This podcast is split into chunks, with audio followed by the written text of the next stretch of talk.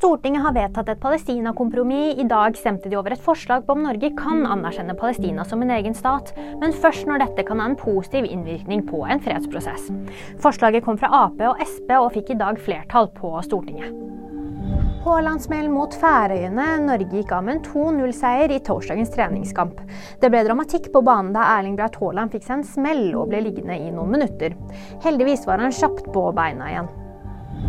Bilal Saab er Norges tøffeste kjendis. Han stakk nemlig av med seieren i realityprogrammet 71 grader nord. 24-åringen er artist og kom bl.a. på en andreplass i fjorårets Melodi Grand Prix. Og nyheter finner du alltid på VG.